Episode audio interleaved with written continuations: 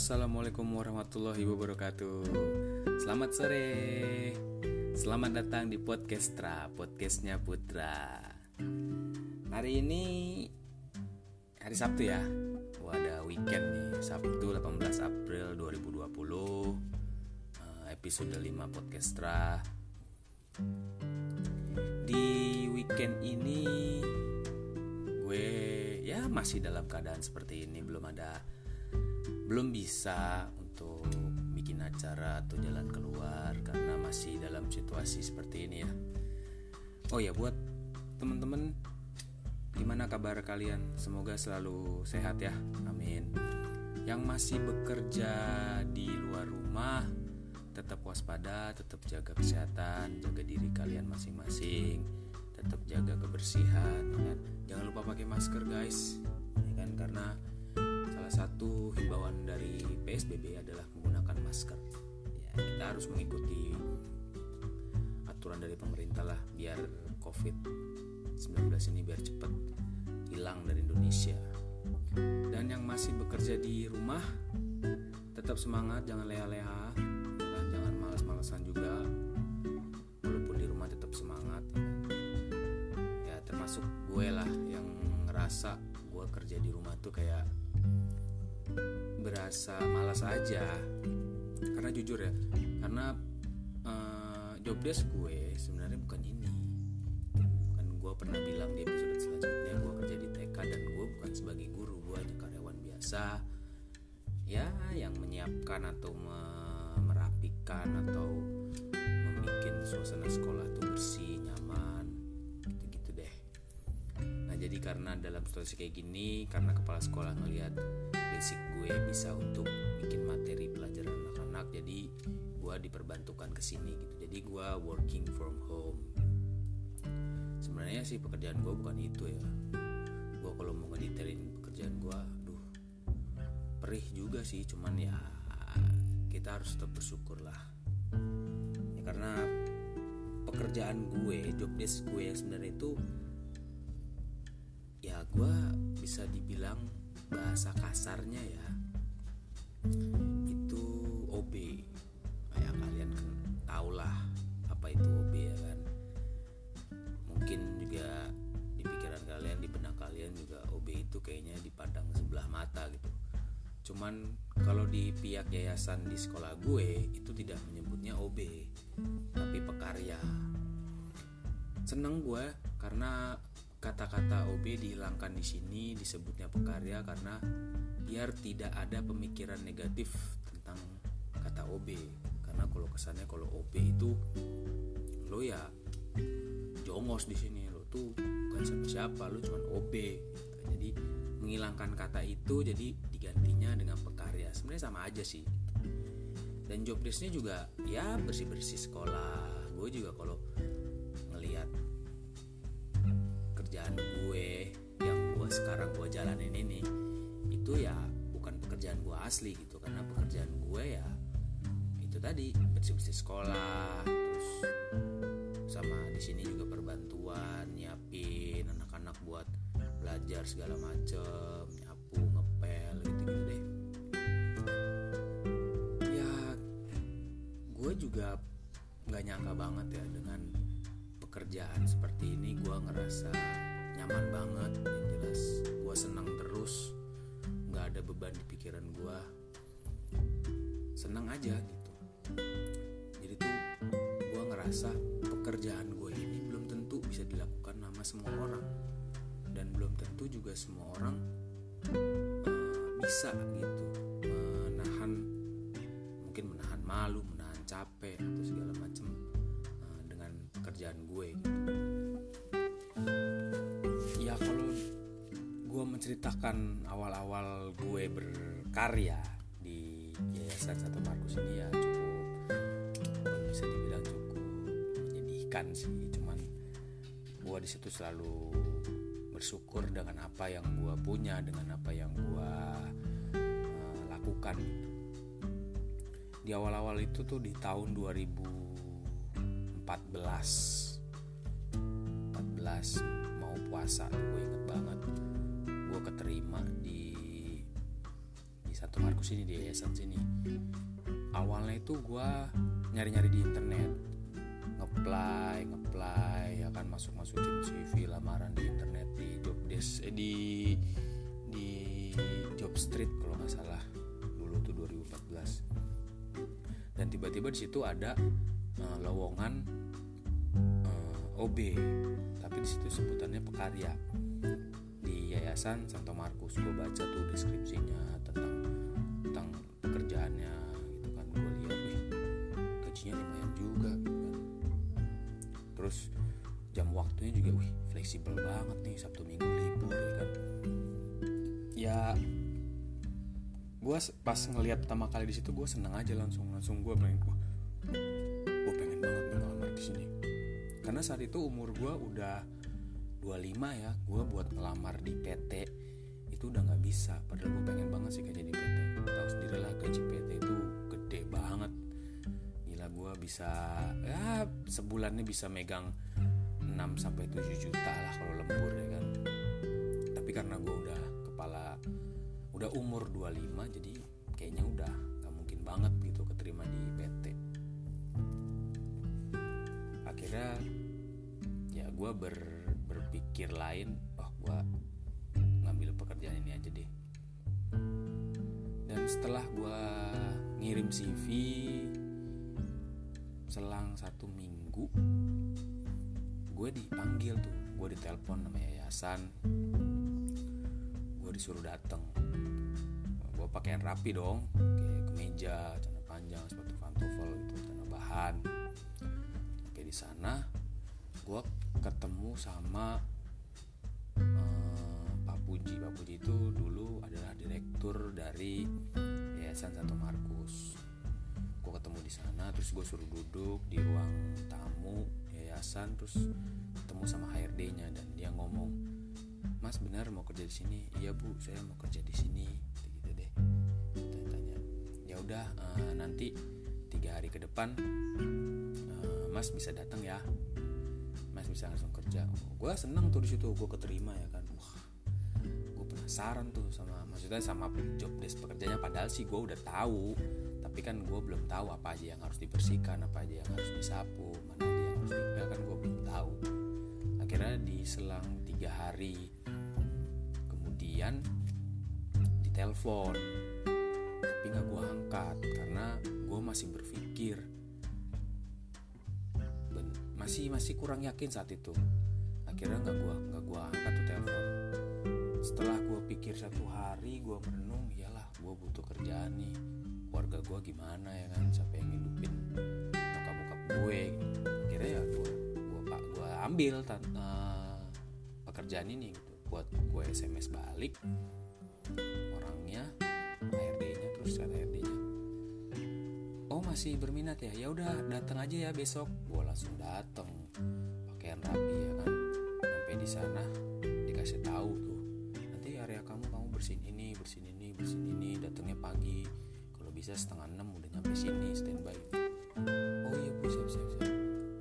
Nah gue sekitar seminggu gue di yayasan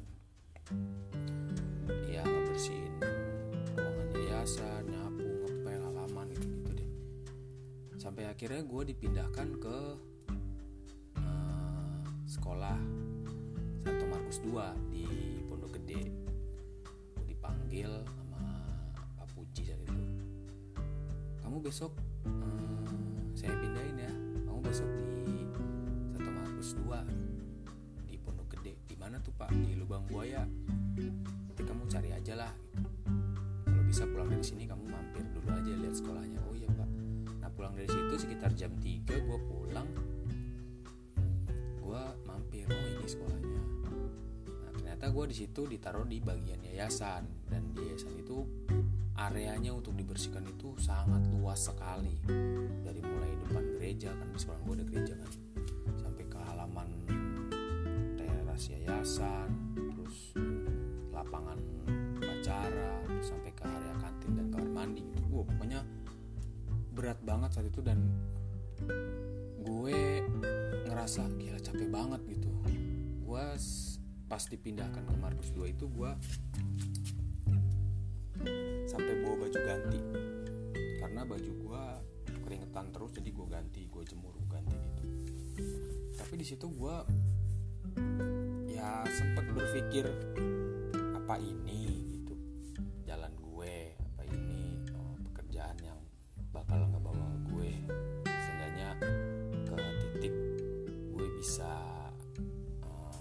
sukses lah gitu. sempat berpikir sempat ya sempat kebelah dua lah pikiran gue antara gue mau resign atau atau enggak gitu. Karena saat itu umur gue udah nggak bisa lagi buat ngelamar-lamar di PT sedangkan gue kalau ngelamar di kantor atau di mana kan butuh ijazah. Sedangkan gue ijazahnya masih SMA kira tetap gue jalanin gue jalanin gue tekunin. Sampai akhirnya yayasan seneng lihat gue. Karena jujur waktu gue di yayasan itu uh, gue ngerasa paling enak banget. Enaknya kenapa? Karena gue tiap pagi dapat sarapan gratis dari orang tua murid yang tiap pagi ngelihat gue nyapu pagi-pagi udah bersih tempat-tempat orang tua murid tunggu anak-anak itu udah bersih dan ada aja tiap pagi dapat sarapan tuh ada aja gitu. Dan itu hampir tiap hari dan itu membuat gue ternyata orang-orang memandang gue nggak sebelah mata ya. Ternyata orang-orang mandang gue itu gue tuh berguna banget. Di situ kepercayaan diri gue udah muncul tuh. Muncul percaya diri gue akhirnya gue lebih pede lebih pede dengan pekerjaan gue. Yang kayak gini gue udah gak malu gitu. Tapi ya banyak orang-orang yang masih ngeremehin kerjaan gue. Ya itu terserah lo lah. Yang penting gue nyaman gue happy gue punya penghasilan tetap gitu. Sampai akhirnya gue dipindahkan ke unit TK nah, jadi TK itu butuh pekerja bisa orangnya yang lebih muda terus yang good looking gitu. Nah pas banget uh, yayasan punya gue ya kan? Akhirnya gue ditarik lah di TK akhirnya gue di TK ya pas di TK itu lebih lebih nyaman lagi. Sebenarnya sih lebih nyamanan di lebih nyamanan di yayasan ya karena gue dari rumah berangkat jam 5 sampai sini setengah 6 lewat. Jam 2 udah pulang. Dua tank udah pulang. Jam setengah tiga jam tiga udah di rumah. Gue bisa tidur siang segala macam. Banyak aktivitas yang bisa gue lakuin setelah itu. Nah pas gue pas gue dipindahkan ke TK ya jam waktunya mulai mulai tidak mulai jam waktu pulangnya tidak tidak apa tidak bisa tenggo gitu jam jam dua tank pulang nggak bisa karena kan di sini gue punya atasan atasan gue kepala sekolah. Ya kalau kepala sekolah gue pulang jam 4 ya gue harus nungguin dia sampai pulang. Dia atasan gue. Terus ke sini sininya gue jalanin makin seru makin asik makin enjoy. Gue ketemu anak-anak yang berbeda-beda karakter dan sampai sekarang juga hmm, kepala sekolah gue seneng dengan keberadaan gue di sini karena anak-anak suka sama gue di sini. Bisa bisa diajak main bisa diajak komunikasi dengan baik. Terus ya capsek gue ngerasa gue diandalkan banget sih dan gue bener-bener bersyukur banget saat itu. Gila ternyata uh, kepala sekolah gue juga nggak menganggap gue remeh di sini tidak menganggap gue seperti bawahan atau bukan tapi gue di sini sebagai tenaga pendidik yang ngajarin anak-anak gimana untuk minta izin buat kamar mandi gimana minta izin buat minta air putih gimana minta izin kalau misalnya ada minuman tumpah segala macam minta izin buat minta mainan dia buat bermain gitu. Ya gue mengajarkan mereka dan di situ gue berpikir kayaknya gue punya waktu lagi nih buat melakukan hal lain gitu akhirnya gue kuliah lagi. Gue kuliah lagi di salah satu fakultas uh, sastra ya. Dekat rumah. Sekarang gue udah mau akhir nih. Gue udah mau nyusun skripsi. Alhamdulillah banget. Di situ gue langsung ngerasa bersyukur banget karena apa ya? Gue kerja di sini walaupun gajinya nggak terlalu besar tapi gue punya banyak waktu. Waktu itu yang sangat penting banget buat gue dibandingkan uh, uang ya. Mungkin kalian juga bisa mungkin pemikiran kalian juga beda kali ya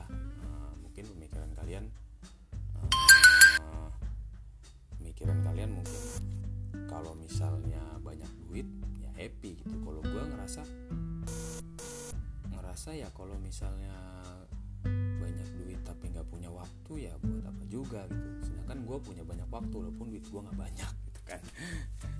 Akhirnya gue kuliah lagi dan gue udah mau selesai sarjana gue. Seneng banget gue gue ngerasa gue kerja di sini gue bisa bisa mendapatkan hal lain gitu. Ya bener gue bisa melakukan hal lain ya. Buktinya gue udah mau selesai sarjana gue sedangkan waktu gue kerja di kantor kerja di PT gue duit gue banyak tapi gue stres. Gue harus bikin laporan segala macam gue stres jujur gue stres. Setiap mau stop opnam segala macam gue stres. Gue nggak happy gue ada tekanan segala macam jadi gue nggak bisa melakukan banyak hal gitu. Jadi sabtu minggu gue ya paling minggu gue paling gue isi buat gue istirahat di rumah gitu atau mungkin buat jalan sama cewek gue nah semenjak kerja di sini gue ngerasa happy. Gue nggak ada tekanan buat gue bikin laporan lah apa segala macam tidak ada sama sekali. Di sini gue happy banget gue kerja. Bener-bener gue tiap hari nggak ada yang namanya gue murung segala macam happy banget pokoknya. Ya kan sampai akhirnya gue bisa pulang sekolah pulang kerja dari sekolah gue bisa kuliah malam. Ya sampai akhirnya gue jalanin terus sampai 4 tahun perjalanan S1 akhirnya sekarang udah mau selesai. Dan itu bener-bener apa ya kenikmatan banget gitu buat gue zona nyaman gue tuh udah nemu banget di sini. Dan di dan dan juga uh, gue juga berpikir saat itu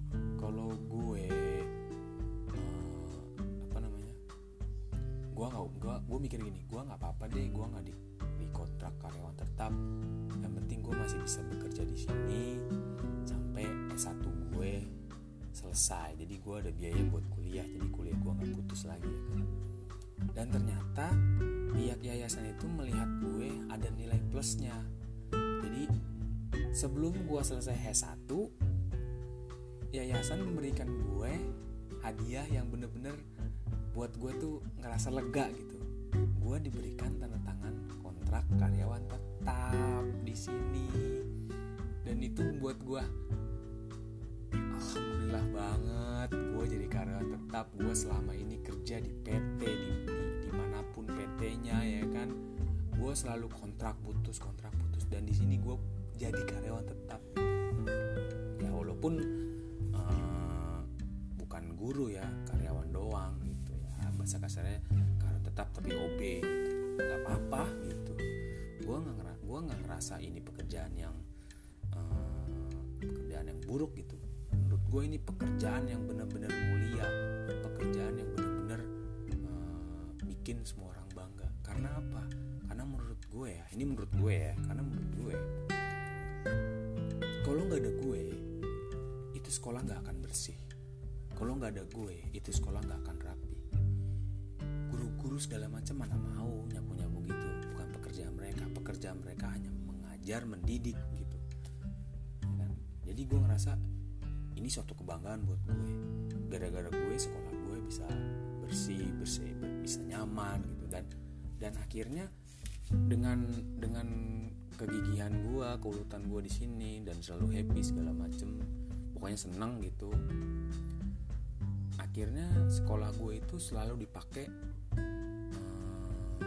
sama uh, IGTK lingkungan Cipayung buat selalu mengadakan pertemuan di sini karena guru-guru TK lain itu kalau main ke sini selalu merasa nyaman, enak gitu karena sekolahnya selalu bersih, selalu rapi gitu.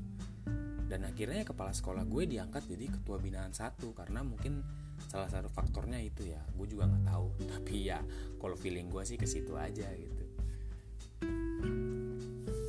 Akhirnya setelah gue dapet uh, tandangan kontrak karyawan tetap gue happy gue seneng gue kasih tahu ke orang tua gue gue orang tetap orang tua gue bersyukur seneng banget. Dan gue jadi ngerasa nggak was was lagi gue jadi kerja makin happy kerja makin enjoy ya. Karena emang udah jadi karyawan tetap men ya kan? Lo kerja di kantoran punya gaji tentu lo bisa karyawan tetap. Siapa tahu lo bisa dipecat kapan pun ya kan? Kalau gue mikirnya begitu. Ya kenapa gue bisa berpikir gitu karena gue awal-awal gue kerja di sini ya banyak yang meremehkan gue gitu. Banyak yang menganggap pekerjaan gue ini tuh pekerjaan pekerjaan ya pekerjaan apa ya? Pekerjaan receh lah. Lo tuh cuman bawahan di sini. Ya kalau gue bisa bilang ya lo semua yang kerja di kantoran lo semua yang kerja di mana pun kalian berada ya lo tetap bawahan karena lo punya atasan lo punya bos kecuali lo jadi bos. Gue angkat tangan gue hormatin lo. Ya kalau ngomongin kerjaan gue sih gue sedikit agak sensitif ya karena uh, banyak juga orang yang yang yang melihat pekerjaan gue kotor lah gitu. ya nggak apa-apa sih itu kan opini opini kalian opini lo semua nggak masalah buat gue. Yang penting gue di sini kerja gue nyari duit duitnya halal ya kan? Udah gue jalanin aja tiap hari dan gue happy. Gue nggak pernah ada tekanan kalau gue ngeliat temen-temen gue yang kerja gila gue mesti bikin laporan gue aduh gue fine fine aja. Dan ditambah gue sabtu minggu libur ya kan? PNS banget gak sih? Ya kan? Sabtu minggu libur. Anak-anak bagi rapot gue libur. Ada ada libur panjang apa gue libur. Aduh senang banget bener-bener senang banget. Apalagi dalam situasi kayak gini ya. Uh, dan barusan gue juga dapat info dari yayasan uh, gue di libur eh gue liburnya diperpanjang sampai tanggal uh, 31 April. Wow berarti anak-anak masih belum bisa masuk dan ya kangen lah gue sama anak-anak. Wow udah berapa bulan nih gak ketemu? Udah sebulan ya selama selama ada uh, covid ini ya.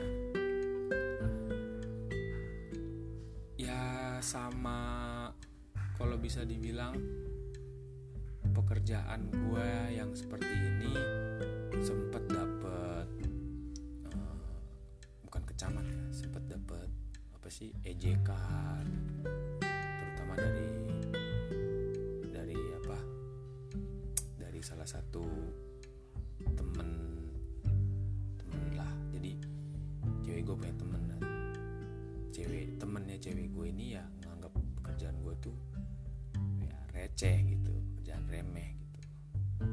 Ya ya itu nggak apa-apa lah. Gue mikirnya ya selama gue tidak merugikan lo selama gue tidak merugikan kalian ya kan? Ya gue dimin aja gitu. Akhirnya buktinya sekarang gue bisa ngebuktiin gitu. Kalau gue udah mau jadi sarjana dengan pekerjaan gue sebagai OB gue bisa udah jadi udah mau jadi sarjana. Bahkan gue udah diangkat ke orang tetap gitu. Ya itu salah satu kebanggaan yang bisa gue banggakan ke orang-orang. Ya begitulah. Ya ya semoga apa ya kalau kalau bisa gue bilang sih semua pekerjaan itu baik. Semua pekerjaan yang kalian lakukan itu selama kalian tidak merugikan orang lain dan kalian ngerasa nyaman dan happy itu baik. Apa pun pekerjaannya. Gue sempat ngerasa bingung sampai akhirnya gue bisa berpikir seperti itu gitu. Ya buat yang masih ngomongin ya ya udah lo lo telan aja gitu. Masuk telinga kanan keluar telinga kiri gitu. Udah biarin aja gitu. Ya karena gue ngerasa lo bekerja belum tentu lo bisa ngerjain pekerjaan gue gitu. Belum tentu lo bisa ngerjain pekerjaan gue ya mungkin gue bisa ngerjain pekerjaan lo tapi mungkin lo nggak bisa ngerjain pekerjaan gue gitu kan. Ya mungkin itu aja guys tentang pekerjaan gue yang yang mungkin kalian akhirnya tahu pekerjaan gue apa. Ya intinya sih jangan pekerjaan orang lah. Belum tentu kalian bisa mengerjakan pekerjaan orang tersebut. Selagi lo nyaman selagi lo happy selagi lo tidak merugikan siapa pun ya lo jalani yang gue terapkan sekarang dan semoga kalian yang mempunyai pekerjaan bisa berpikir sama ya seperti gue amin Oke okay guys, mungkin itu yang bisa gue sharing ke kalian tentang pekerjaan gue ini di episode sekarang ini. Semoga bisa ada sedikit motivasi buat kalian ya kan. Ya semoga sih ya kalau kalau nggak ada motivasi dari perjalanan pekerjaan gue ini ya nggak apa-apa ya kan. Gue sih intinya gue cuma pengen berbagi inovasi eh inovasi ingin berbagi motivasi ke kalian biar biar kita sama-sama enjoy menjalani pekerjaan kita masing-masing gitu maksudnya oke tetap semangat tetap jaga kesehatan tetap jaga pola kebersihan tetap jaga pola kesehatan jaga pola pikir kalian ya kan? Sampai situasi ini membaik oke? Gua tahu kalian pasti semua udah bete udah jenuh. Sama gue pun juga. Semoga situasinya bisa berakhir dan kita bisa kembali happy oke? Sampai ketemu di episode selanjutnya. Bye bye Hai hai. Selamat malam Sebelumnya gue mau mengucapkan selamat Hari Kartini untuk seluruh para wanita untuk para perempuan Indonesia agar selalu tangguh dalam menghadapi semua hal, apalagi dalam keadaan pandemik gini. Para para wanita harus lebih kuat seperti ibu kita Kartini. Asik. Selamat datang di podcast gue, podcast Tra. Aduh, gue apa kelibet gini ngomongnya nih ya. Masih dengan gue, Putra Ramdan. Dan di episode kali ini sangat berbeda karena gue tidak storytelling. Kalian udah bisa dengar ada backsound backsound lagu ya kan? Mungkin ini bisa gue jadiin bumper gue ya. Cuman nantilah gue bisa bicarakan sama dua asisten gue ini ya kan? Untuk membuat bumper ya kan? Sekarang gue lagi bersama teman-teman kampus gue anak-anak semester 8 yang sangat luar biasa. Karena kita adalah anak semester 8 yang dianggurin oleh pihak kampus. Nggak tahu skripsinya kapan nggak tahu sidang proposalnya kapan. Mereka ke sini tujuannya ingin memberikan kejutan ke gue. Ke hari ulang tahun gue kemarin tanggal 20 tetapi mereka ngasih kejutannya hari ini. Nggak ada guna. Tau gak lo Dep? Nggak ada guna. Dan udah gitu kue yang kue yang diberikan adalah kue yang tidak gue harapkan gitu. Bolu pandan gue pengennya kue coklat tapi bulu pandan yang datang. Oke lah nggak apa-apa tapi terima kasih guys. Terima kasih teman-teman semua yang udah memberikan kejutan. Gue kaget ih kaget banget gue. Gue lagi kerja. Gue lagi editing video anak-anak home learning hari ini. Dikasih kejutan. Datang ke rumah gue bawa bawa gitar. Eh bukan gitar ya ukulele. Tapi sebelumnya gue mau kenalin dulu ke kalian semua nih. Di sini ada Devi Ria Deviria adalah hamba PT. Dia pekerja keras banget. Dia cinta banget sama PT-nya sampai disuruh masuk dalam keadaan pandemi ini. Masuk. Gila banget. PSBB masuk. Luar biasa. Makanya gajinya gede banget 12 ju 12 12 juta per bulan gajinya. Luar biasa banget. Dia single. Ngekos ya kan. Tapi dia orang Batak ya kan? Di sini juga ada Nure. Nure ini muslimah sejati. Jadi di antara kita kita dia doang yang pakai hijab. Hijabnya panjang sampai pantat. Terus bukan sampai pantat sampai betis kalau bisa. Sampai kaki ya? Sampai kaki mau jangan rotor pokoknya sampai betis udah gitu pakai cadar. Aduh agak ngeri sih. Semoga lo nggak ngebom ya rek. Semoga lo nggak ngebom dan di sebelah sana tuh ada Santa. Santa adalah bisa dibilang hamba perusahaan juga lah. Dia kerja di di dia kerja di notaris bagian tanah. Tapi dia adalah tapi dia adalah seorang guru di Strada. Selamat Hari Kartini Ibu Guru. Iya, yo mantap. Dan di pojok sana tuh itu yang paling gembel bisa dibilang paling seksi sih cuman bodinya begitu ya Ere ya. Ya kan? Ya namanya Natali. Natali gua gua kenalin ke kalian ya. Natali itu adalah customer service terbaik di Bekasi. Customer service BCA ya. Dia baru diangkat sebagai karyawan tetap di BCA dan dia menjadi customer service terbaik. Aduh ribet banget sih. Gue lagi bikin podcast pakai casan segala. Emang cas, casan lo casan lo type C. Oh ya nggak apa-apa gue sih. Pertama gue mau membicarakan sesuatu yang terjadi atau kayaknya kita ngebahas ngebahas masa kecil ya ulang tahun kalian tuh dulu kayak gimana sih gitu ya kan? Gue mulai dari dulu deh tentang ulang tahun di masa kecil lo lo pernah nggak sih dirayain sama keluarga lo?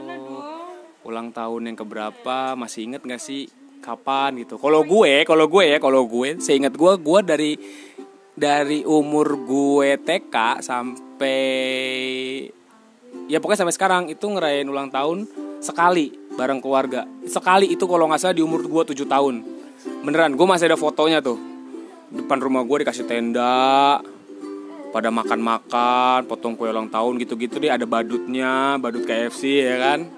Ya kalau kalau kalau lo gimana re?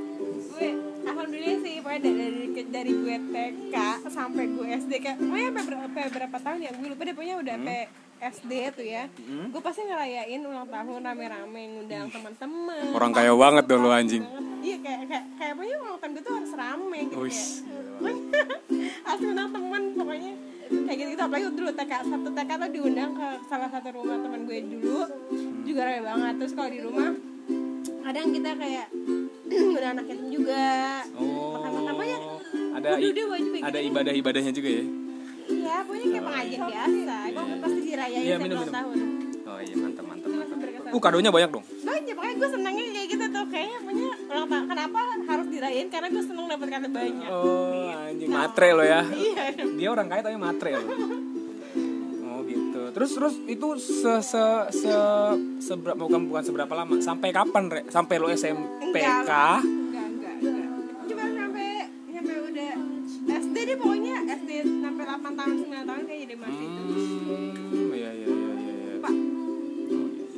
lo dep lo dirayain nggak di rumah? dirayain Emang lu lo di kampung ya rumah lo ya? gue di kampung juga keluarga gue mah dianggap dulu Wuh.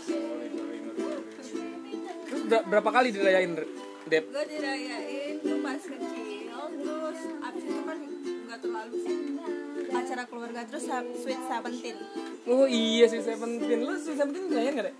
Seventeen lupa gak ya pokoknya gue tuh cuma ingat masa kecil gue tapi kalau Seventeen lupa Oh gitu.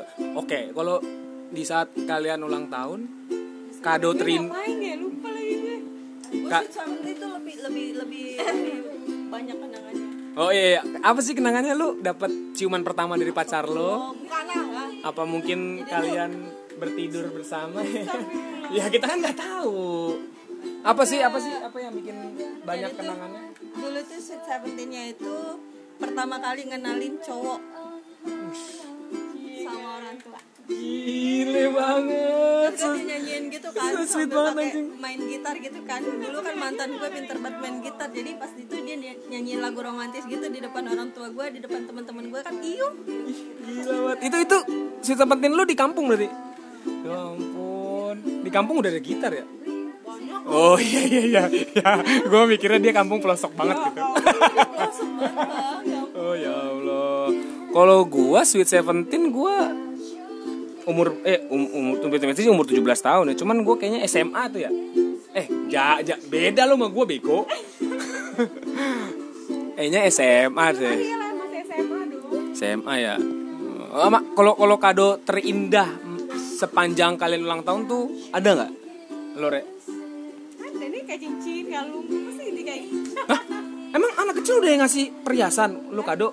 enggak dong oh maksudnya dari, dari teman-teman. Iya, maksudnya- Yang pas dari teman gue.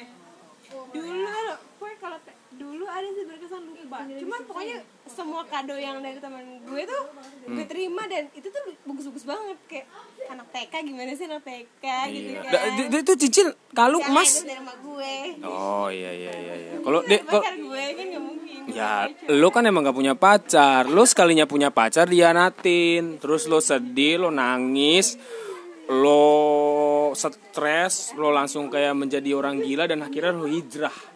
Iya bener nggak? Tapi gue gak gila. Iya maksudnya lu semenjak diputusin lu langsung hijrah kan? iyalah Ya sebenarnya apa sih yang terjadi di saat di saat itu re gitu? Lo bisa ceritain sedikit nggak sih intinya tiba-tiba lu putus terus lu hijrah gitu? Enggak loh. Itu butuh proses kali putus hijrah iya tak.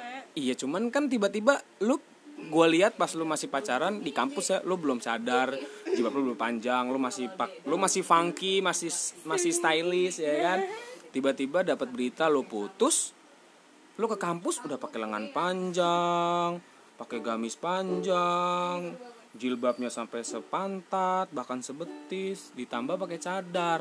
Kan gua ngeri kampus gua dibom ya nggak deh itu gimana prosesnya tuh? Lu ngerasain dapat hidayah atau? Iyalah pasti daya dong.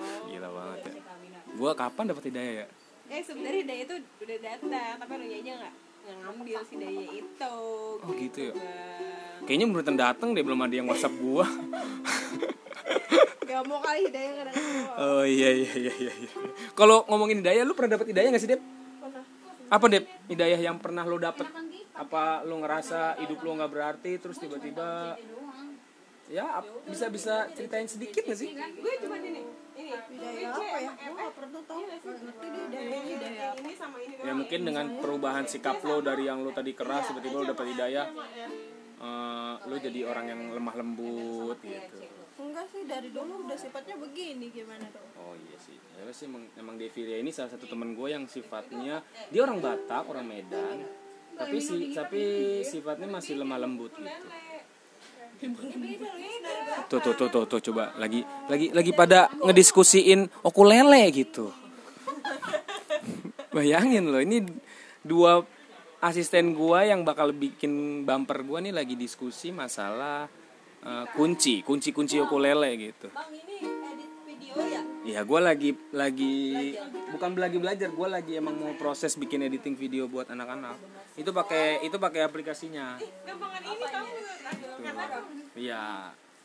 tapi enak sih dia Ya di sini rame banget guys, kalian bisa dengerin ya kan keramaian di sini. Oh rame gimana? Eh gimana nih kita semester 8 nih? Ada yang bisa kasih pendapat kah atau masukan? Itu Mas Santa. Oh gitu ya. Iya sih di sini kita emang udah punya basic-basic sendiri sih ya. Kalau Nora itu bagian-bagian religi deh, bagian-bagian di mana orang lagi tersesat, tiba-tiba dia memberikan masukan tentang hidayah, ya kan. Kalau gua di sini bagian hura-hura, bagian tim kocak, ya kan, bagian tim rusuh. Nah, kalau si Natal itu tim cuek, dia bodoh amat dia mah ya kan orangnya. Nah, kalau Deviria ini kalau bisa tim pembela dia ya. Nevilia tim pembela kalau santai ini kalau bisa bilang tim akademis gitu jadi emang orang pinter banget gitu. Susah susah. Gitu. Kalau kita ngikutin dia tuh susah gitu. Kita kan mahasiswa ya- yang biasa-biasa aja. gitu. Kalau dia luar biasa gitu. Nilai A terus kumlot loh kayaknya dia ini. Itu loh. Eh gue listening C tahu. Parah banget. Memrona. Gue masuk terus. Padahal itu kegiatan padahal itu mata kuliah malam minggu. C lu lu lu pernah juga D, D ya lu apa sih yang komplain? C. apa itu? Listening juga kan? Public speaking. Oh, Oh, public iya, speaking. sama ratingnya si Mister ini. oh iya Mister Mister dia denger nih gue head banget sama dia head. Mister siapa? Ibnu ya? Yes. wah itu mah parah itu dosen. ini tuh public Gue speaking gak pernah dikasih nilai tugas padahal gue ngumpulin tugas ke emailnya dia. Kalian bisa bayangin gak sih guys? Waduh, waduh, kalian waduh, udah susah payah Nah, terus nah, nah. dikasih nilai C dengan alasan tidak mengerjakan tugas. Waduh. Ya sabar sabar sabar sabar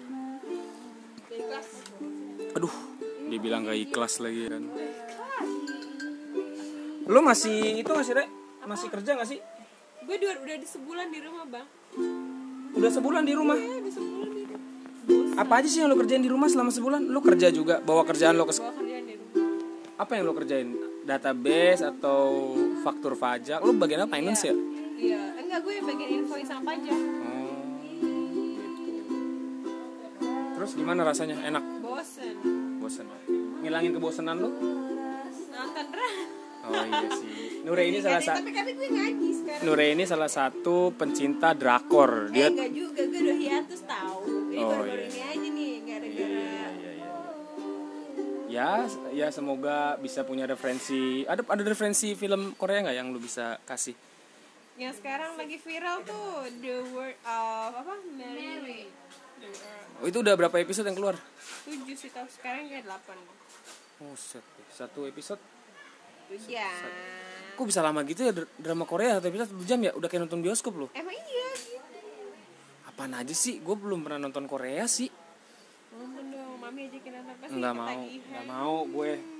Gue nggak mau dalam situasi kayak gini yang WFH nonton Korea ya. Mendingan gue nonton Venom deh. Kalau nggak nonton John Wick kelihatan serunya. Eh, siapa film namanya? Tom Hardy. Iya, Tom Hardy, Eddie Brock. Dia keren banget. Iya, itu dia ganteng banget ya, gue. lagi nonton filmnya ini lu datang ya kan? Anjing, kok bewoknya dia bisa kayak gitu ya? Gue pengen banget nih bewoknya dia. Tau gak lu tau gak film ini? Film Peaky Blinders. Filmnya siapa? Sama film itu Tom Hardy. gue belum nonton tuh bagi dong. Itu season bang. Parah. oh dia kayak drakor gitu? Ya allah gue jangan yang season season deh gue yang langsung yang langsung sebelum Venom dia itu dulu. Oh gitu. Tapi dia mafia gitu sih. Ya kayak gue lah mafia ya. Tapi dia tuh kayak sekutunya orang tapi dia di situ bukan pemeran pemeran utama baru kayak di Venom dia jadi pemeran utama kayak gitu gitu tapi dia ganteng banget ya kenapa ya bisa begitu ya? Gak ngerti. Kalau menurut lu tuh gantengnya seseorang laki-laki tuh dari mana nih lu lihat ya? Kayak tadi aja nih gue guys gue bukannya mau menyombongkan diri atau gimana ya cuman Nure ini salah satu penggemar gue kalau bisa dibilang. Jadi gue kalau posting foto atau bikin video story pasti dibilang abang kok ganteng banget? Bang kok ganteng sih? Gitu.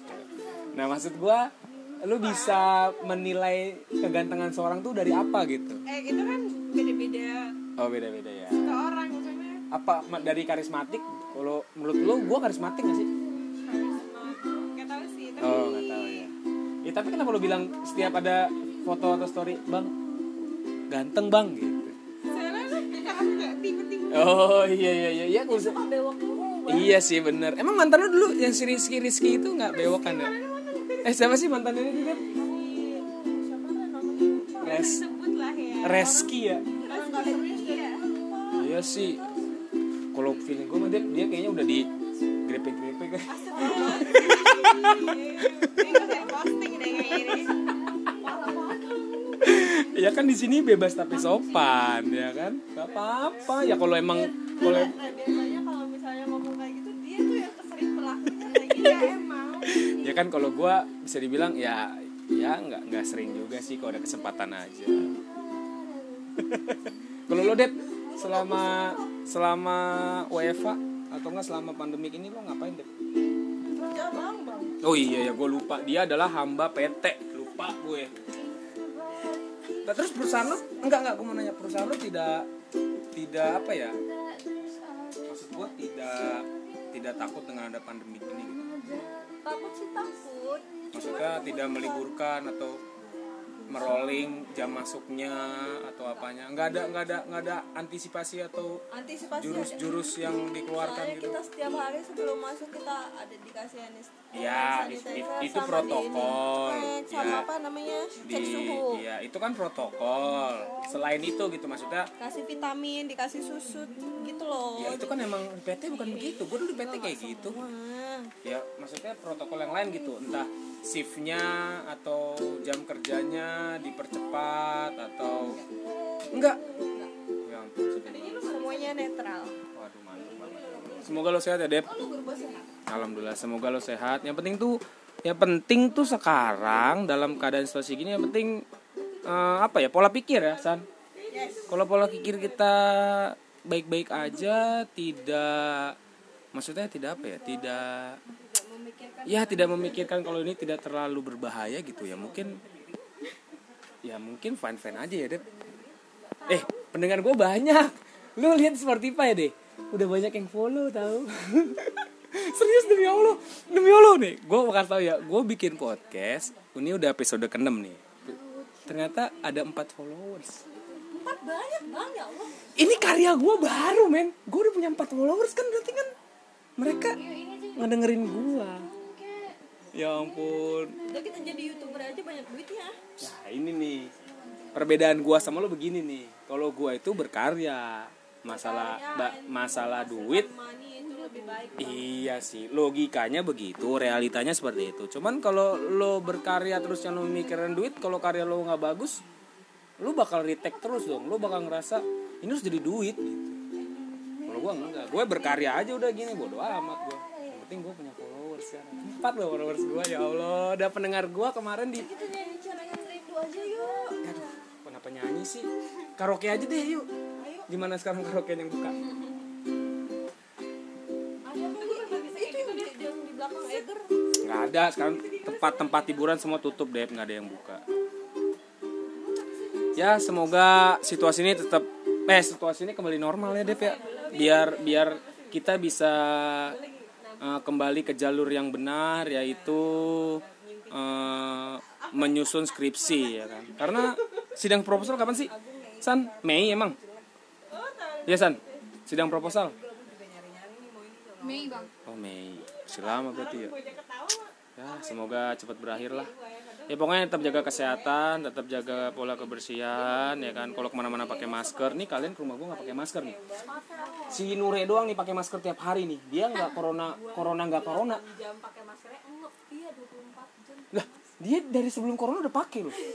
Berarti dia tahu kode corona nih. Lu kenapa nggak ngasih tahu kita lo? Kenapa lu nggak ngasih tahu warga Indonesia kalau mau ada corona datang? Tahu ih. Tahu ih, bercadar gitu kayak tukang teroris. eh ke situ lu terlu di Oh iya iya ya Allah gue mengandung Sarah ya. Iya iya iya iya ya nggak apa-apa lah ya kan. Nggak apa-apa lah ya udah. Ya pok ya ntar gue kirim. Ya pokoknya tetap tetap jaga kesehatan ya guys. Tetap happy terus. Tetap positive thinking oke. Ya sekianlah perbincangan gua sama teman-teman gua yang pada gila ini. Eh, sampai ketemu lagi di episode selanjutnya. Bye bye. Hai hai, selamat malam. Sebelumnya gua mau mengucapkan selamat Hari Kartini untuk seluruh para wanita, untuk para perempuan Indonesia agar selalu tangguh dalam menghadapi semua hal, apalagi dalam keadaan pandemik gini. Para para wanita harus lebih kuat seperti ibu kita Kartini. Asik. Selamat datang di podcast gue podcast podcastra. Aduh gue apa kelibet gini ngomongnya nih ya. Masih dengan gue Putra Ramdan. Dan di episode kali ini sangat berbeda karena gue tidak storytelling. Kalian udah bisa dengar ada backsound backsound lagu ya kan? Mungkin ini bisa gue jadiin bumper gue ya. Cuman nantilah gue bisa bicarakan sama dua asisten gue ini ya kan untuk membuat bumper ya kan sekarang gue lagi bersama teman-teman kampus gue, anak-anak semester 8 yang sangat luar biasa.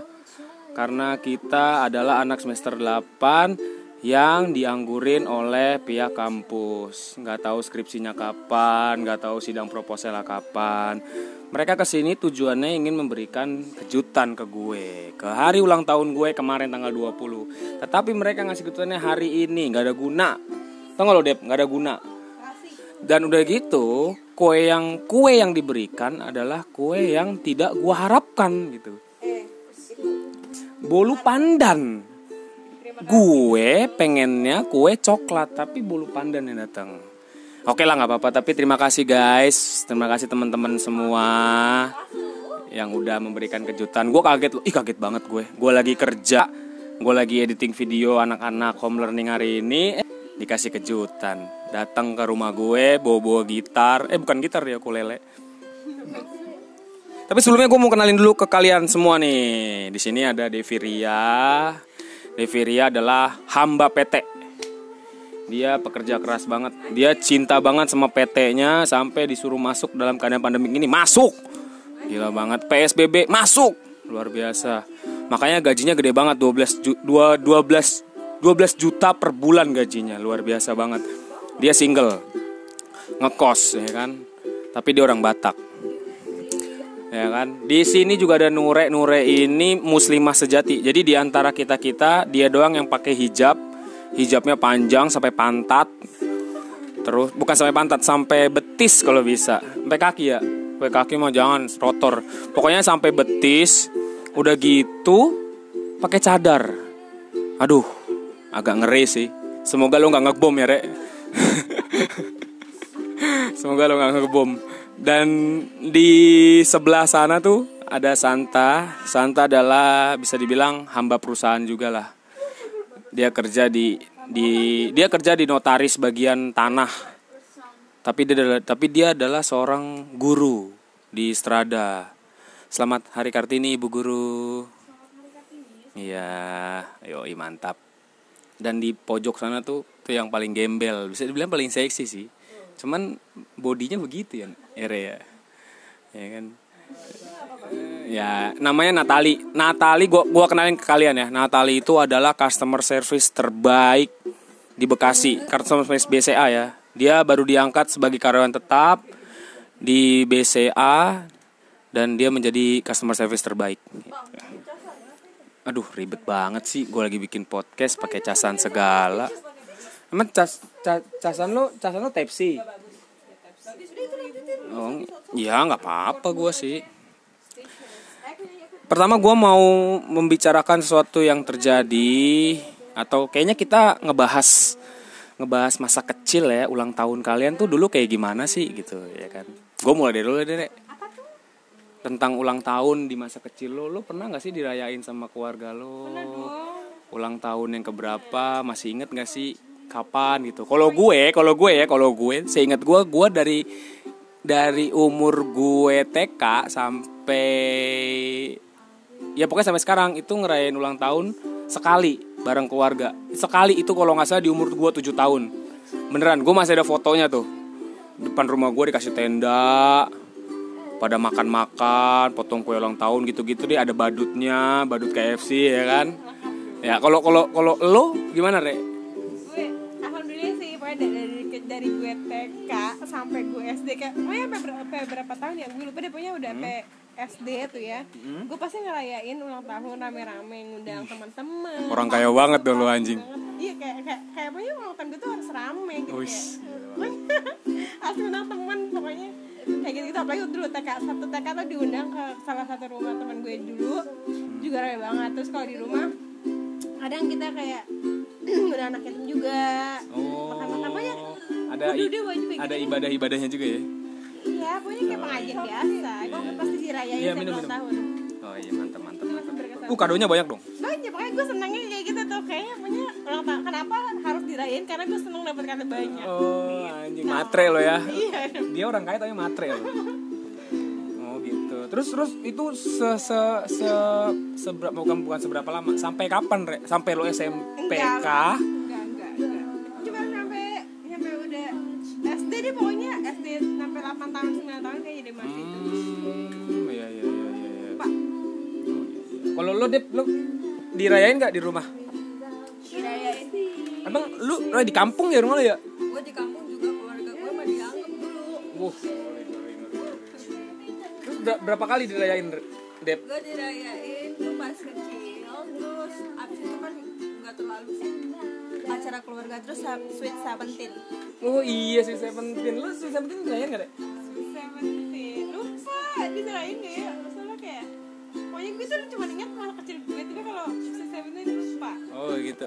Oke, kalau di saat kalian ulang tahun, kado gue terin ngapain ya lupa lagi gue gue Kak. sweet seventeen tuh lebih lebih lebih, lebih banyak kenangannya Oh iya, iya. apa sih kenangannya lu dapat ciuman pertama dari pacar lo?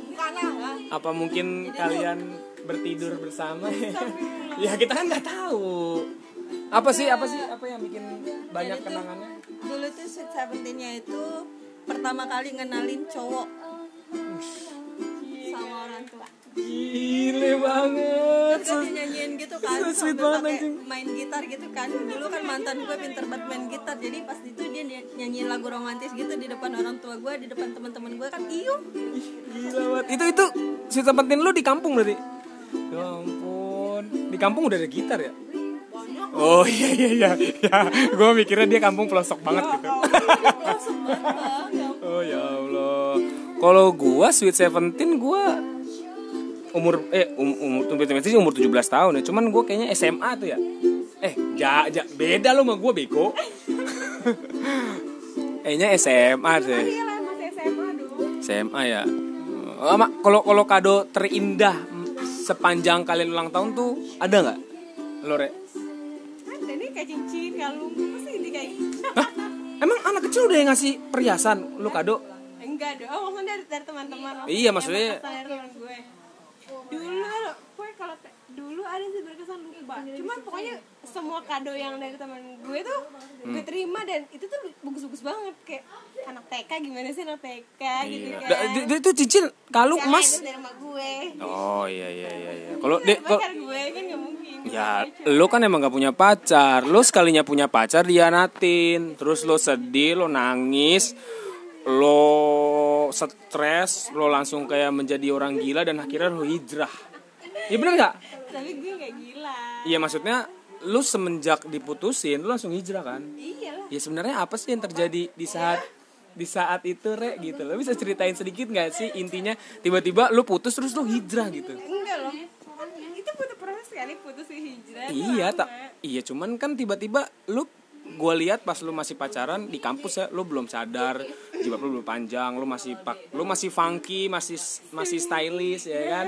Tiba-tiba dapat berita lu putus lu ke kampus udah pakai lengan panjang pakai gamis panjang jilbabnya sampai sepantat bahkan sebetis ditambah pakai cadar. Kan gua ngeri kampus gua dibom ya nggak deh itu gimana prosesnya tuh lu ngerasain dapat hidayah atau Iyalah, pasti daya dong. gila banget ya gua kapan dapat hidayah ya Eh sebenarnya daya itu udah datang, tapi lu aja nggak ngambil si daya itu. Oh, gitu ya? Bang. kayaknya beneran dateng deh belum ada yang whatsapp gua Gak mau kali daya kadang oh iya iya iya iya iya. kalau ngomongin hidayah lu pernah dapat hidayah gak sih Dep apa Dep hidayah yang pernah lu dapet apa lu ngerasa hidup lu nggak berarti terus tiba-tiba ya bisa bisa ceritain sedikit gak sih? Gue cuma ini, ini. Apa ya? Gue gak pernah tahu. Ngerti deh. Hidayah hidayah Ini sama ini ya mungkin dengan perubahan sikap lo dari yang lo tadi keras tiba-tiba lo dapat hidayah. eh, lo jadi orang yang lemah lembut gitu. Enggak sih dari dulu udah sifatnya begini gimana dong oh iya sih. Ya sih emang, emang Deviria ini salah satu temen gue yang sifatnya dia orang Batak orang Medan tapi si tapi sifatnya masih lemah lembut gitu. tuh tuh tuh tuh, tuh coba lagi lagi lagi pada ngediskusiin okulele gitu. Bayangin loh ini dua asisten gua yang bakal bikin bumper gua nih lagi diskusi masalah eh, kunci kunci kunci ukulele gitu. Bang ini ya? Iya, gue lagi lagi bukan lagi belajar, gue lagi emang mau proses bikin editing video buat anak-anak. Itu pakai itu pakai aplikasinya. Gampangan ini kamu Iya. Tapi enak sih dia. Ya di sini rame banget guys, kalian bisa dengerin ya kan keramaian di sini. Oh rame gimana? Eh gimana nih kita semester 8 nih ada yang bisa kasih pendapat kah atau masukan? Itu Mas Santa Oh gitu ya. Iya sih di sini kita emang udah punya basic-basic sendiri sih ya. Kalau Nure itu bagian-bagian religi deh, bagian-bagian di mana orang lagi tersesat tiba-tiba dia memberikan masukan tentang hidayah ya kan. Kalau gua di sini bagian hura-hura, bagian tim kocak ya kan, bagian tim rusuh. Nah, kalau si Natal itu tim cuek, dia bodoh amat dia mah ya kan orangnya. Nah, kalau Deviria ini kalau bisa tim pembela dia ya. Nevilia. Tim pembela. Kalau santai ini kalau bisa bilang tim akademis gitu. Jadi emang orang pinter banget gitu. Susah susah gitu. Kalau kita ngikutin dia tuh susah gitu. Kita kan masuk mahasiswa yang biasa-biasa aja gitu. Kalau dia luar biasa gitu. Nilai A terus kumlot loh kayaknya dia ini. Itu loh. Apa dilece eh gue listening C tahu parah banget. Mem Rona. Gue masuk terus. Padahal itu kegiatan padahal itu mata kuliah malam minggu. C lu lu lu pernah juga ya D ya? Lu apa sih yang komplain? C. Apa itu? Listening juga kan? Public speaking. Oh, oh, public iya speaking. sama writingnya si Mr. X. Oh iya Mister deh, Mister denger nih gue head banget sama dia head Mister siapa? Ibnu ya? Yes. Wah itu mah parah itu dosen. Dikasih nilai tugas padahal gue ngumpulin tugas ke emailnya dia. Kalian bisa bayangin gak sih guys? Waduh, waduh, kalian waduh, udah susah payah Nah, terus nah, nah. dikasih nilai C dengan alasan tidak mengerjakan tugas. Waduh. Ya sabar sabar sabar sabar. Dari kelas aduh dia bilang gak ikhlas lagi kan. Lu masih itu masih Rek? masih kerja gak sih? Gue udah udah di sebulan di rumah bang udah sebulan di rumah? Udah sebulan di rumah. Apa aja sih yang lo kerjain di rumah selama sebulan? Lo kerja juga bawa kerjaan lo ke gue kerjaan di rumah. Apa yang lo kerjain? Database atau faktur pajak? Lo bagian apa? Finance ya? Iya. Enggak gue bagian invoice sama pajak. Oh gitu. Terus gimana rasanya? Enak? Bosen. Bosan ngilangin kebosanan lo? Nonton oh iya sih Nure ini salah satu tapi tapi gue ngaji sekarang Nure ini salah satu pencinta drakor eh dia enggak juga gue udah hiatus tahu ini Oh, baru-baru iya. ini aja nih gara-gara Iya, iya, iya. Ya, ya semoga bisa punya referensi. Ada ada referensi film Korea nggak yang lu bisa kasih? yang sekarang lagi viral tuh the word of apa Mary, Oh, itu udah berapa episode yang keluar? tujuh sih tau sekarang kayak delapan Oh, set. Satu episode. Ya Kok bisa lama gitu ya dr- drama Korea satu episode satu jam ya? Udah kayak nonton bioskop loh. emang iya gitu Apaan aja sih? Gue belum pernah nonton Korea sih. ngomong dong mami ajakin nonton pasti Nggak mau, nggak mau gue. Gue nggak mau dalam situasi kayak gini yang WFH nonton Korea ya. Mendingan gue nonton Venom deh. Kalau nggak nonton John Wick kelihatan serunya. Eh, siapa film namanya Tom Hardy Iya, Tom Hardy, Eddie Brock. Dia keren banget Iya, itu dia ganteng banget ya, Rek. gue lagi nonton filmnya ini lo datang ya kan? Ini kok bewoknya dia bisa kayak gitu ya? Gue pengen banget ya bewoknya dia. tau gak lu tau gak film ini film Peaky Blinders Filmnya siapa? Tom Hardy. Gue belum nonton tuh, bagi dong. itu season bang parah Oh, dia kayak drakor gitu. Ya Allah, gue jangan yang season season deh, gue yang langsung yang langsung. sebelum Venom dia main film itu dulu Oh gitu. tapi dia mafia gitu sih Ya kayak gue lah mafia ya. tapi dia tuh kayak sekutunya orang tapi dia di situ bukan pemeran, pemeran utama baru kayak di Venom dia jadi pemeran utama gitu gitu tapi dia ganteng banget ya Kenapa ya bisa begitu ya? gak ngerti Kalau menurut lu tuh gantengnya seseorang laki-laki tuh dari mana nih lu lihatnya?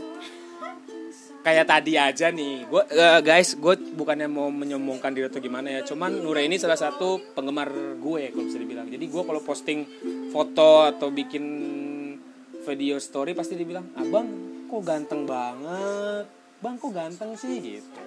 Nah maksud gue, lu bisa menilai kegantengan seorang tuh dari apa gitu? eh itu kan beda-beda Oh beda-beda ya. ke orang maksudnya apa dari karismatik kalau menurut lo gue karismatik gak sih tapi kenapa lo bilang setiap ada foto atau story bang ganteng bang gitu? Kan oh iya iya iya. Iya bisa- iya sih bener. Emang mantan lo dulu yang si Rizky Rizky itu nggak bewok kan ya? eh siapa sih mantannya itu kan? Res sebut lah ya. Reski ya? Iya. Iya sih. Kalau feeling gue mah dia, dia kayaknya udah di grepe-grepe kan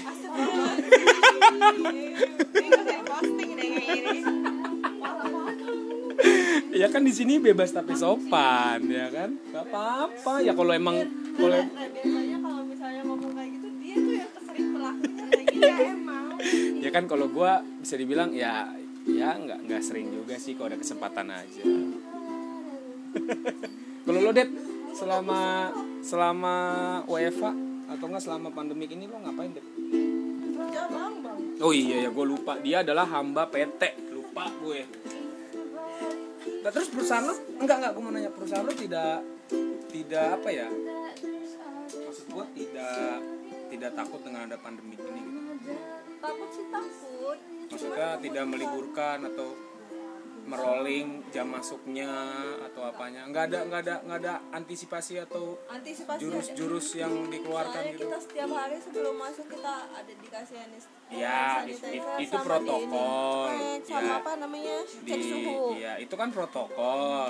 Selain itu gitu maksudnya kasih vitamin dikasih susu gitu loh. Ya itu kan emang PT bukan begitu. Gue dulu PT kayak gitu. Wah. ya maksudnya protokol yang lain gitu. Entah shiftnya atau jam kerjanya dipercepat atau enggak. Ya ampun semuanya netral. Waduh mantap semoga lo sehat ya Dep. Alhamdulillah semoga lo sehat. Yang penting tuh yang penting tuh sekarang dalam keadaan situasi gini yang penting eh, apa ya pola pikir ya San. Kalau pola pikir kita baik-baik aja tidak maksudnya tidak apa ya tidak ya tidak memikirkan kalau ini tidak terlalu berbahaya gitu ya. Mungkin ya mungkin fine fine aja ya Dep. Eh pendengar gue banyak. Lu lihat Spotify deh udah banyak yang follow tahu serius demi allah. Demi allah nih. Gue bakal tahu ya gue bikin podcast ini udah episode ke nih. Ternyata ada empat followers. Empat banyak bang ya Allah. Ini karya gue baru men. Gue udah punya empat followers kan berarti kan mereka ngedengerin gue ya ampun. Udah kita jadi youtuber aja banyak duit ya. Nah ini nih. Perbedaan gua sama lo begini nih. Kalau gua itu berkarya, masalah ba- masalah duit Iya sih, logikanya begitu, realitanya seperti itu. Cuman kalau lo berkarya terus yang lo mikirin duit, kalau karya lo nggak bagus, lo bakal retake terus dong. Lo bakal ngerasa ini harus jadi duit gitu. Kalau gua enggak, gue berkarya aja udah gini, bodo amat gua. Yang penting gua punya followers sekarang. Empat loh followers gua ya Allah. Ada pendengar gua kemarin di kita nyanyi celengan rindu aja yuk Aduh, kenapa nyanyi sih? Karaoke aja deh yuk. Gimana sekarang karaoke yang buka? ada apa itu yang di, yang di belakang Eger Nggak ada sekarang tempat-tempat hiburan semua tutup deh, nggak ada yang buka. Ya semoga situasi ini tetap eh situasi ini kembali normal ya Dep ya. Biar biar kita bisa eh, kembali ke jalur yang benar yaitu eh, menyusun skripsi ya kan. Karena sidang proposal kapan sih? San, Mei emang? Iya San, sidang proposal. Mei bang. Oh Mei, masih lama berarti ya. Ya semoga cepat berakhir lah. Ya pokoknya tetap jaga kesehatan, tetap jaga pola kebersihan, ya kan. Kalau ke mana-mana pakai masker, nih kalian ke rumah gua nggak pakai masker nih. Si Nure doang nih pakai masker tiap hari nih. Dia nggak corona, corona nggak corona. enggak iya 24 jam Lah, dia dari sebelum corona udah pakai loh. Berarti dia tahu kode corona nih. Lu kenapa nggak ngasih tahu kita lo? Kenapa lu nggak ngasih tahu warga Indonesia kalau mau ada corona datang? Tahu ih. Tahu ih, bercadar gitu kayak tukang teroris. eh gak gitu lu terlu di Oh iya iya ya Allah gue mengandung Sarah ya. Iya iya iya iya ya nggak apa-apa lah ya kan. Nggak apa-apa lah ya udah. Ya pok ya ntar gue kirim. Ya pokoknya tetap tetap jaga kesehatan ya guys. Tetap happy terus. Tetap positive thinking oke. Ya sekianlah perbincangan gua sama teman-teman gua yang pada gila ini. Eh, sampai ketemu lagi di episode selanjutnya. Bye bye.